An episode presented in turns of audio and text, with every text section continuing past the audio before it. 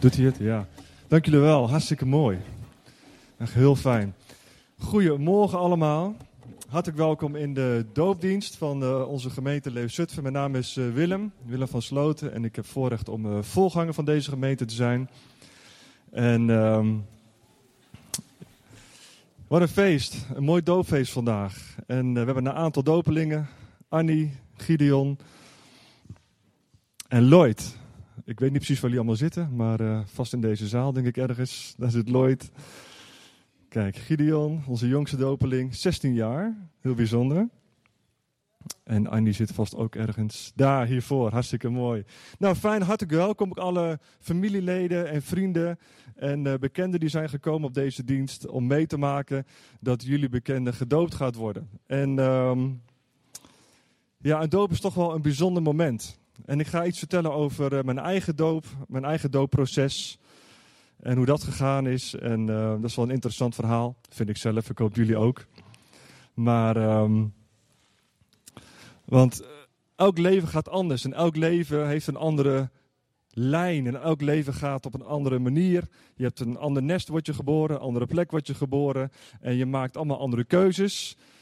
Maar uiteindelijk lopen de keuzes, tenminste van deze dopelingen en van mij en veel, veel mensen hier, richting de keuze voor een doop. En uh, ik zal een klein beetje over mezelf vertellen. Ik ben uh, nu voorganger van Leef, maar uh, zo'n 16 jaar geleden was ik uh, in dienst. Ik ben veteraan, ik ben een aantal keren uitgezonden geweest. Ik heb zo'n hele rits met, met mooie medailles. En de laatste keer dat ik ben uitgezonden geweest was in Irak. En daar ga ik even iets over vertellen. En ehm, ja, daar valt zoveel over te vertellen. Daar kan ik wel een hele preekserie over houden, alleen daarover al. Maar um, ja, Irak is toch wel een, um, een, uh, een, een, een, wending in mijn leven geweest, wat echt een aanleiding is geweest voor mij om mij te laten dopen uiteindelijk. Um, ik heb in Irak hele, hele gekke situaties meegemaakt, hele vreemde situaties ook. En ik zal er een paar vertellen.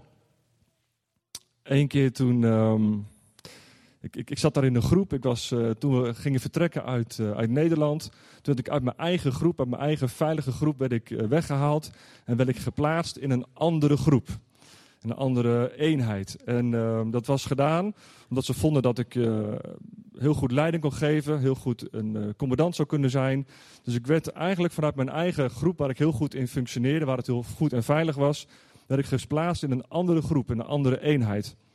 En die mensen die, uh, die vonden dat allemaal niet zo leuk. Die voelden eigenlijk, zeiden van nou, wat die Willem kan, dat kunnen we eigenlijk ook wel. Eigenlijk kunnen we dat nogal beter dan Willem.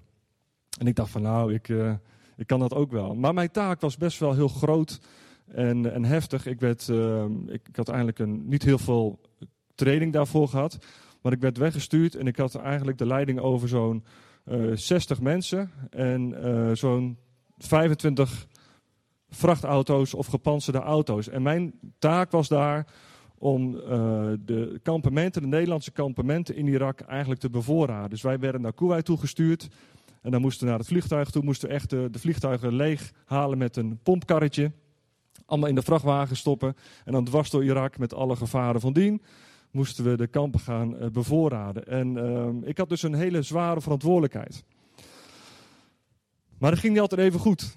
En er gebeurde onderweg van alles. Ons kamp werd ook, een keertje aangevallen. En uh, de, de, hoofdingang van ons kamp werd aangevallen. Er vielen zo'n uh, 10, 15 doden bij. Uh, gelukkig geen directe collega's van mij. Maar onderweg, alles in zijn gevaar. Hè. Elk, elk ding wat daar ligt, bijvoorbeeld van, van die olievaten, die zie je daar vaak. De ene dag staat hij hier, de volgende dag staat hij een meter verder. En dat kan dus betekenen dat er dus iemand aan gesleuteld heeft, dat er een bom in ligt. En elke auto die jou passeert, elke, elk voertuig, elke ezel, elke kameel kan zelfs een, gevaar zijn. Want ze binden daar gewoon bommen vast aan ezels en kamelen. Dus alles wat er loopt, alles is een gevaar. Overal, alles, iedereen is een gevaar.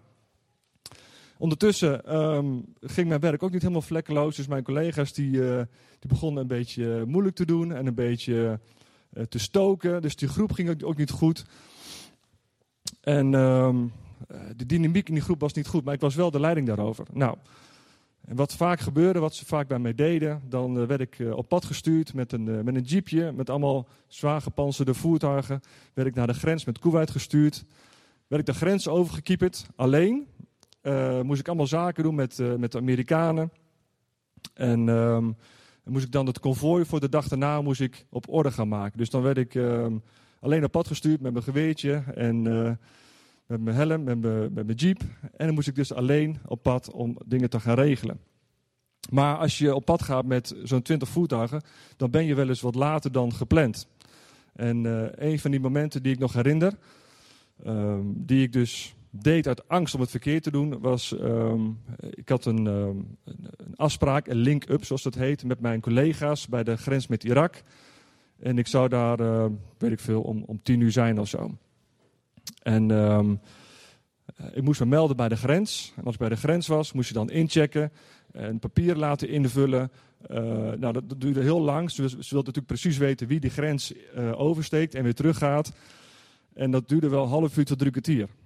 Maar als ik nou die grens zou oversteken zonder mij te melden, dan zou dat een half uur, drie kwartier schelen. En dan zou ik dus mooi op tijd zijn. Maar het is niet een grens zoals tussen Nederland en Duitsland of tussen Nederland en België. Dat is een grens met heel veel uh, Amerikanen, met hele grote uh, kanonnen bovenop hun voertuigen. De Engelsen liepen daar ook rond. Het was één groot, ja, een één grote versterkte plek, zeg maar. Overal waren uh, gepantserde wagens van die Humvees of Hummers. de Engelsen stonden daar, er waren Apache-helikopters stonden daar klaar om te schieten op mensen die de grens zouden overgaan. En dat is precies wat ik ging doen. Ik dacht van, nou weet je wat, als ik nou die, dat inchecken bij de grens is uh, oversla en gewoon vol gas die grens overga, dan ben ik op tijd. Want ik was bang om gedoe te krijgen, ik was bang om gelaas te krijgen, ik was bang om weer conflicten met mijn collega's te krijgen. Dus uit angst dacht ik van, nou weet je wat, ik ga uh, gewoon vol gas die grens over. Dat heb ik ook gedaan. Ik, ben, ik zat in mijn vrachtwagentje, ik heb nog een keer goed teruggeschakeld, vol gas ben ik die grens overgereest. Ongelooflijk. En ik verwachtte elk moment echt een, een enorm salvo aan geweervuur. Ik verwachtte dat al die hummers hun loop zouden omdraaien. Op mij zouden geschieten. Ik verwachtte dat Apache-helikopters zouden opstijgen en mij onder vuur zouden nemen. Maar weet je wat er gebeurde? Er gebeurde helemaal niks. dat, was, natuurlijk het verhaal van de week. Dat ik natuurlijk die grens ben overgestoken. Uh, en heel huids dat überhaupt gemaakt had. Maar eigenlijk was het uit angst voor conflicten, uit angst om het niet goed te doen. Nou, en zo zijn er nog heel veel verhalen die ik zou kunnen vertellen. Um, ik had dus een strijd met mijn collega's, wat ik een beetje geschetst heb. Ik had een strijd met de mensen in het land zelf. Dat, land zelf was ook niet uh, prettig, zeg maar. En nog steeds niet. Het is een, een heel moeilijk land. En uh, ik heb er bijna vijf maanden gezeten. Maar de grootste strijd, die zat toch wel in mij en met God. Want um, ik heb altijd geloofd, als klein jongetje al, dat God bestond. Ik heb altijd geweten dat God er was. Maar als je een verkeerd beeld van God hebt, als je verkeerde ideeën over God hebt, dan ga je hele vreemde keuzes maken. En mijn beeld van God was dat God een hele strenge en boosaardige God was. En ik dacht, nou, als ik mijn leven aan die God ga geven, dan val ik gelijk ter plekke dood neer. en dat was mijn leugen, dat waren mijn gedachten. En ik dacht echt op een gegeven moment, dan, maak je dingen in je leven mee. En ik dacht van, nou weet je, ik begon echt te geloven dat God persoonlijk tegen mij was. Dat God echt een, een strijd tegen mij aan het voeren was. En daar ergens in de hemel op zijn troon zat. En dacht van, nou, wat, wat, kan ik vandaag nou eens even gaan doen? welke knop kan ik draaien om Willem vandaag eens eventjes lastig te vallen? Ik was daar heilig van overtuigd. Hoe kom je aan zulke gedachten? Ik heb het nooit echt gehoord vroeger of zo, maar dat is gewoon in mijn leven zijn die gedachten binnengekomen. Zoals bij jullie waarschijnlijk ook op een bepaalde manier gedachten zijn binnengekomen. Iedereen heeft een bepaald godsbeeld en dat godsbeeld is ook op een bepaalde manier tot stand gekomen. Maar ik voelde mij ontzettend aangetrokken tot God, maar ik durfde op geen enkele manier mijn leven aan God te geven. Bang voor ziekte, bang voor de dood of bang dat wat er dan zou gaan gebeuren. En op een gegeven moment heb ik in uh, Irak heb ik afscheid genomen van God. Ik heb tegen God gezegd, nou heer, uh, alles leuk en aardig, maar uh, wilt u al mijn zonden vergeven die ik tot nu toe heb gedaan? Dan heb ik in elk geval ja, staan we recht tegenover elkaar. En uh, we, hier scheiden onze wegen. Ik heb echt afscheid genomen van God. Van nou, God, u gaat u weg, ik ga mij weg. En uh, we zien het wel. Dat heb ik in Irak gedaan. En uh, daar heb ik ook naar geleefd. Ik heb ook die periode daarna ook allemaal keuzes gemaakt die niet in overeenstemming waren met hoe God het voor mij voor ogen had. En uiteindelijk kwam ik terug in Nederland. Nou, ik heb gelukkig geen PTSS opgelopen, zoals helaas vele anderen wel. Maar het is toch even weer moeilijk aarde. En die strijd van, tussen mij en God, die was er nog steeds. En op een gegeven moment, die strijd die kreeg een, een, een hoogtepunt, of een dieptepunt, zoals je wil. En op een gegeven moment dacht ik van, als, als die God dan zo tegen mij is, als die God dan zo actief erop uit is om mij onderuit te halen, dan kan ik beter mijn leven aan de vijand geven. Dan kan ik beter mijn leven aan de Satan geven. Zo verdwaald was ik in mijn gedachten. En op een gegeven moment toen uh, ben ik midden in de nacht ben ik uit mijn bed gestapt en naast bed gaan staan.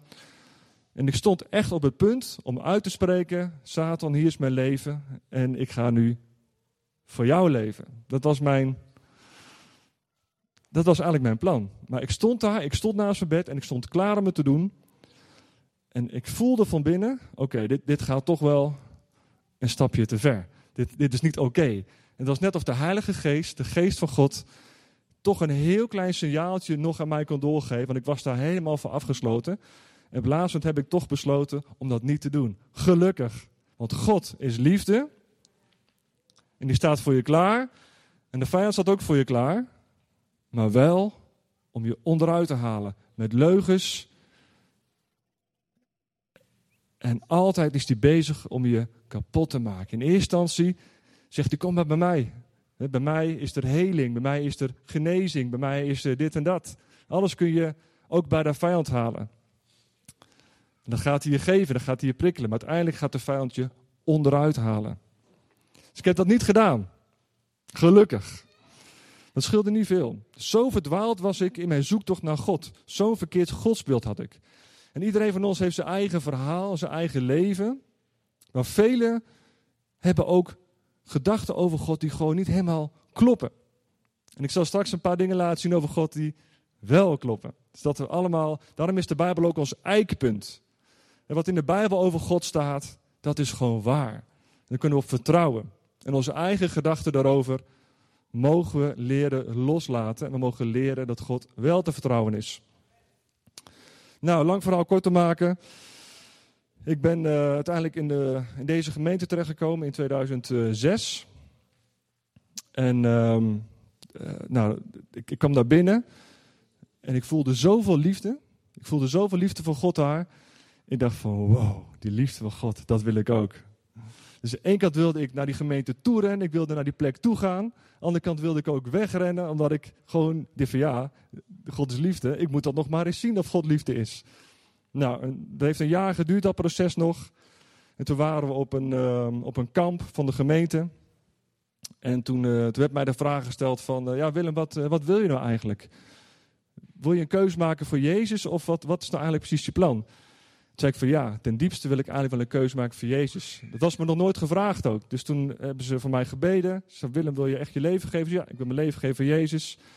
Heb ik gedaan. En... Um, het was niet een spectaculair moment of zo. Het, het was gewoon, uh, ja, gewoon eigenlijk gewoon een heel fijn moment, maar ook, ook niet meer dan dat. En op een gegeven moment toen liep ik uh, weer terug naar, uh, naar, de, naar de zaal waar we waren. En ik, en ik was in één keer veranderd. Ik voelde gewoon van binnen, ik voelde Gods liefde, ik voelde Gods warmte. En ik snapte de Bijbel ook, ik snapte de Bijbel ook gewoon nooit. Als ik de Bijbel las, was het een heel wazig boek voor mij. En het was net of mijn ogen opengemaakt werden en ik begreep de Bijbel, ik begreep dat God liefde was en ik snapte gewoon hoe God in elkaar zat. Dat ik al die jaren gewoon had geloofd in leugens over God. En ik was zo blij dat ik God gevonden had en ik zat, ik zat in de fik voor God. En ik, ik, ik, ik, ja, ik kan er nog steeds niet over uit, dat toen ook niet. En er waren mensen die zeiden van ja Willem, dat gaat wel weer over. En uh, ik zei nee, dat gaat nooit meer over. Die liefde die ik vandaag heb ervaren, die connectie die ik vandaag heb ervaren met God, die gaat nooit meer over. Die band die blijft. Mag de eerste tekst erop. En ik zei al net, we kunnen allemaal onze gedachten en gevoelens kunnen we hebben over God en onze leven is allemaal anders. Maar hier staat toch iets wat echt waar is. De Heer is goed.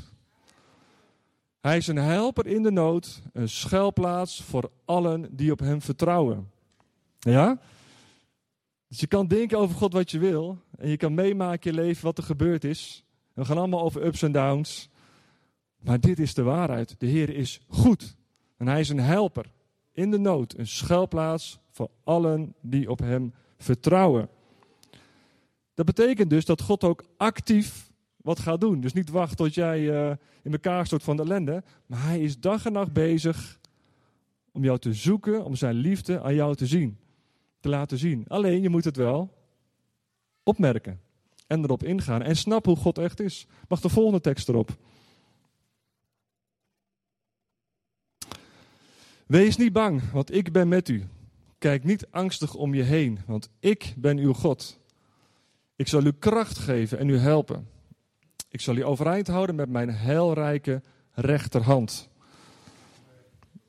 En dan kan je ook zeggen van, ik help je, ik hou je steven vast en ik kom voor je op. En dit is ook wat de dopelingen vandaag ook hebben ervaren. Hoe hun leven ook is gegaan, alle levens zijn anders verlopen van de dopelingen. Maar ze zeggen, ja, God is mijn schuilplaats, God is mijn redder. En ik ga leren op Hem te vertrouwen. En ik ga ervaren dat God er daadwerkelijk voor mij is. En dat God mij overeind houdt.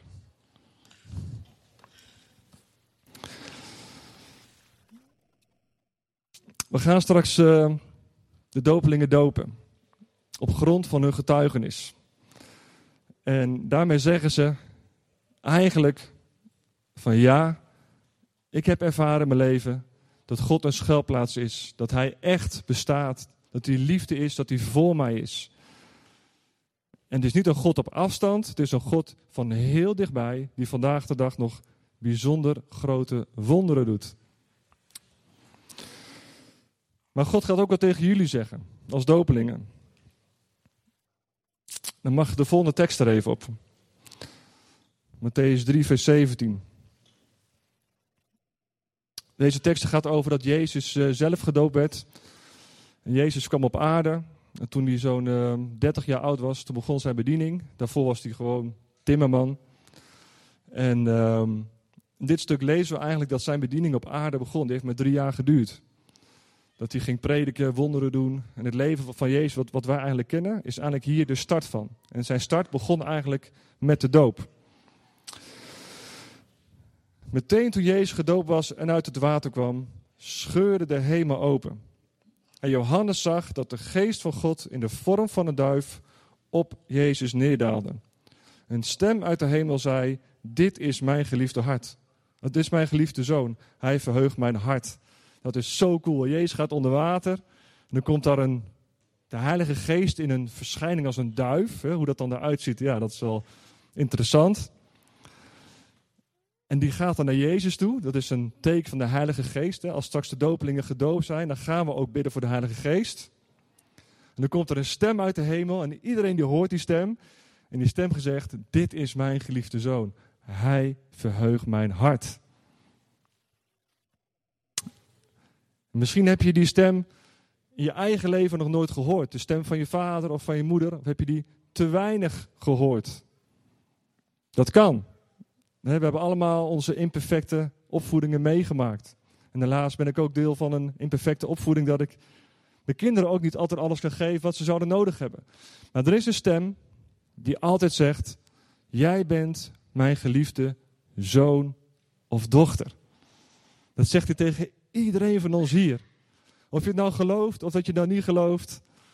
Dat je het hebt ervaren in je leven of niet. Maar God zegt tegen iedereen van jou, van jullie: Jij met mijn geliefde zoon of dochter. En specifiek vandaag tegen de dopelingen. Als jullie straks het water uitkomen, weet dan dat God zegt: Nou, misschien gaan we een stem horen. Dat zou heel cool zijn. Ik sta ervoor open. Ik verwacht het niet, maar je weet nooit. Ik verwacht het wel. Oké, laat het verwachten dat er een stem uit de hemel komt straks. Maar misschien hoor deze week wel de stem van God. Dat zou zomaar kunnen, want we gaan bidden voor de Heilige Geest. En de Heilige Geest is de geest van God in jou. En Hij is degene die spreekt. Hij is degene die je leidt. Hij is degene die je dingen laat zien. Waar je vast bent gelopen in je verleden. Of de keuzes die je mag gaan maken uit de toekomst. Maar de stem van God die klinkt. Jij bent mijn geliefde zoon of dochter. De dopelingen hebben een keus gemaakt. En daarmee zeggen ze eigenlijk: Mijn eigen leven, mijn eigen keuzes, die leg ik eigenlijk af ten opzichte van wat God van mij wil. Misschien ben je heel erg in controle geweest over je eigen leven. Heb je gedacht dat het goed was om je eigen keuzes te maken. Maar de dopelingen zeggen vandaag: De keuzes die ik maak, maak ik ondergeschikt aan Gods keuze. En nu ga ik leven zoals God graag wil dat ik ga leven. Als ik een belangrijke keuze moet maken, dan ga ik vragen, Heilige Geest, wilt u me laten zien, is dit de goede keus? En je geweten wordt ook gereinigd. Misschien was je wel heel goed in liegen, of in bedriegen, of dingen verdraaien. Dat kan. Dat kan een patroon in je leven zijn. Dan komt de Heilige Geest en die tikt op je schouder en zegt: Hé, hey, vriend, nou hoor je bij mij. En dit is niet de bedoeling. En dan gaat je geweten gaat hier reinigen. En gaat je laten zien wat de koninklijke weg is om dit leven te gaan leiden. Het is niet zo alleen maar zo dat je tot geloof bent gekomen. Dat je zegt van nou, goh, ja, nu ben ik gedood, nu ben ik tot geloof gekomen. Nee, nu gaat God met je aan het werk. En dat is een heel mooi proces. God gaat de diepte in je leven, de pijnpunten in je leven, gaat hij aanraken. Gaat hij mee aan de slag. En gaat ze mooier maken. God wil dat je gaat schijnen. Dat je andere mensen aansteekt met zijn liefde. Dat ze zeggen van, hé, hey, wat is er met die en die gebeurd? En dan gaan ze naar je toe. Ze zeggen, hé, hey, wat is er met jou gebeurd? Ik, ik, zie dat je anders bent. Ik zie dat je anders reageert. Wat is er gebeurd? Ze zeggen van, ja, ik ben gedoopt. Ik heb een keuze gemaakt voor Jezus. En God is mij mooier aan het maken. God is mij aan het vormen, aan het leiden. Dat ik steeds meer op Jezus ga lijken. Mag de laatste tekst erop?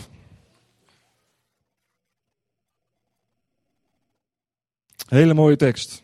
Die valt denk ik alles samen wat ik hier gezegd heb. Daarom leef ik niet zelf niet meer, maar Christus leeft in mij. Zolang ik nog in het lichaam ben, leef ik door het geloof in de Zoon van God. Zolang ik in dit lichaam ben, geloof ik in de Zoon van God. En dat is ook mijn doel op deze aarde. Dat spreek ik voor mezelf even. Mijn doel op deze aarde is, ik heb meerdere doelen, maar prioriteit nummer één is de wil van God. Toelaten in mijn leven en Hem toelaten om mijn leven te leiden. En ik kan je vertellen, dat is echt fantastisch. Man, als je gaat doen wat Gods plannen voor jou zijn. Als je gaat begrijpen wat Gods ideeën over jou zijn, hoe God over jou denkt ten eerste. Ja?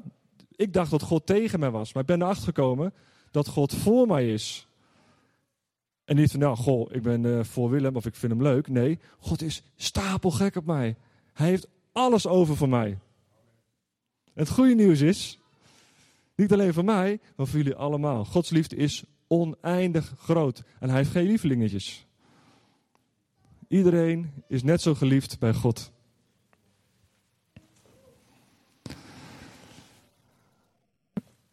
En ik hoop allemaal dat we in navolging van de dopelingen kunnen zeggen van ja, ik leef nog steeds, maar God leeft in mij. En ik leef in dit lichaam voor mijn geloof in Jezus, de Zoon van God.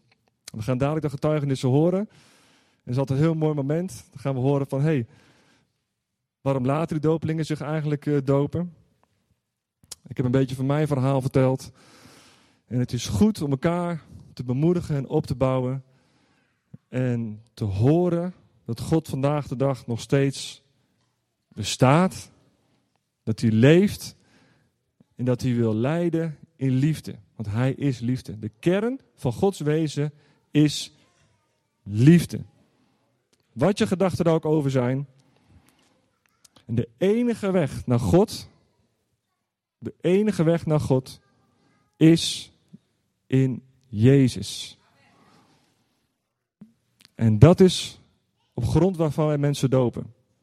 Er zijn vele wegen die naar Rome leiden, wordt er wel eens gezegd. Maar naar God is er één weg en dat is door Jezus.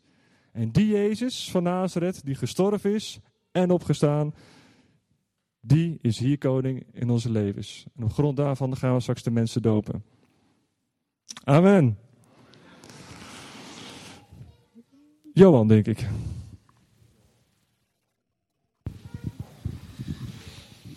Ja,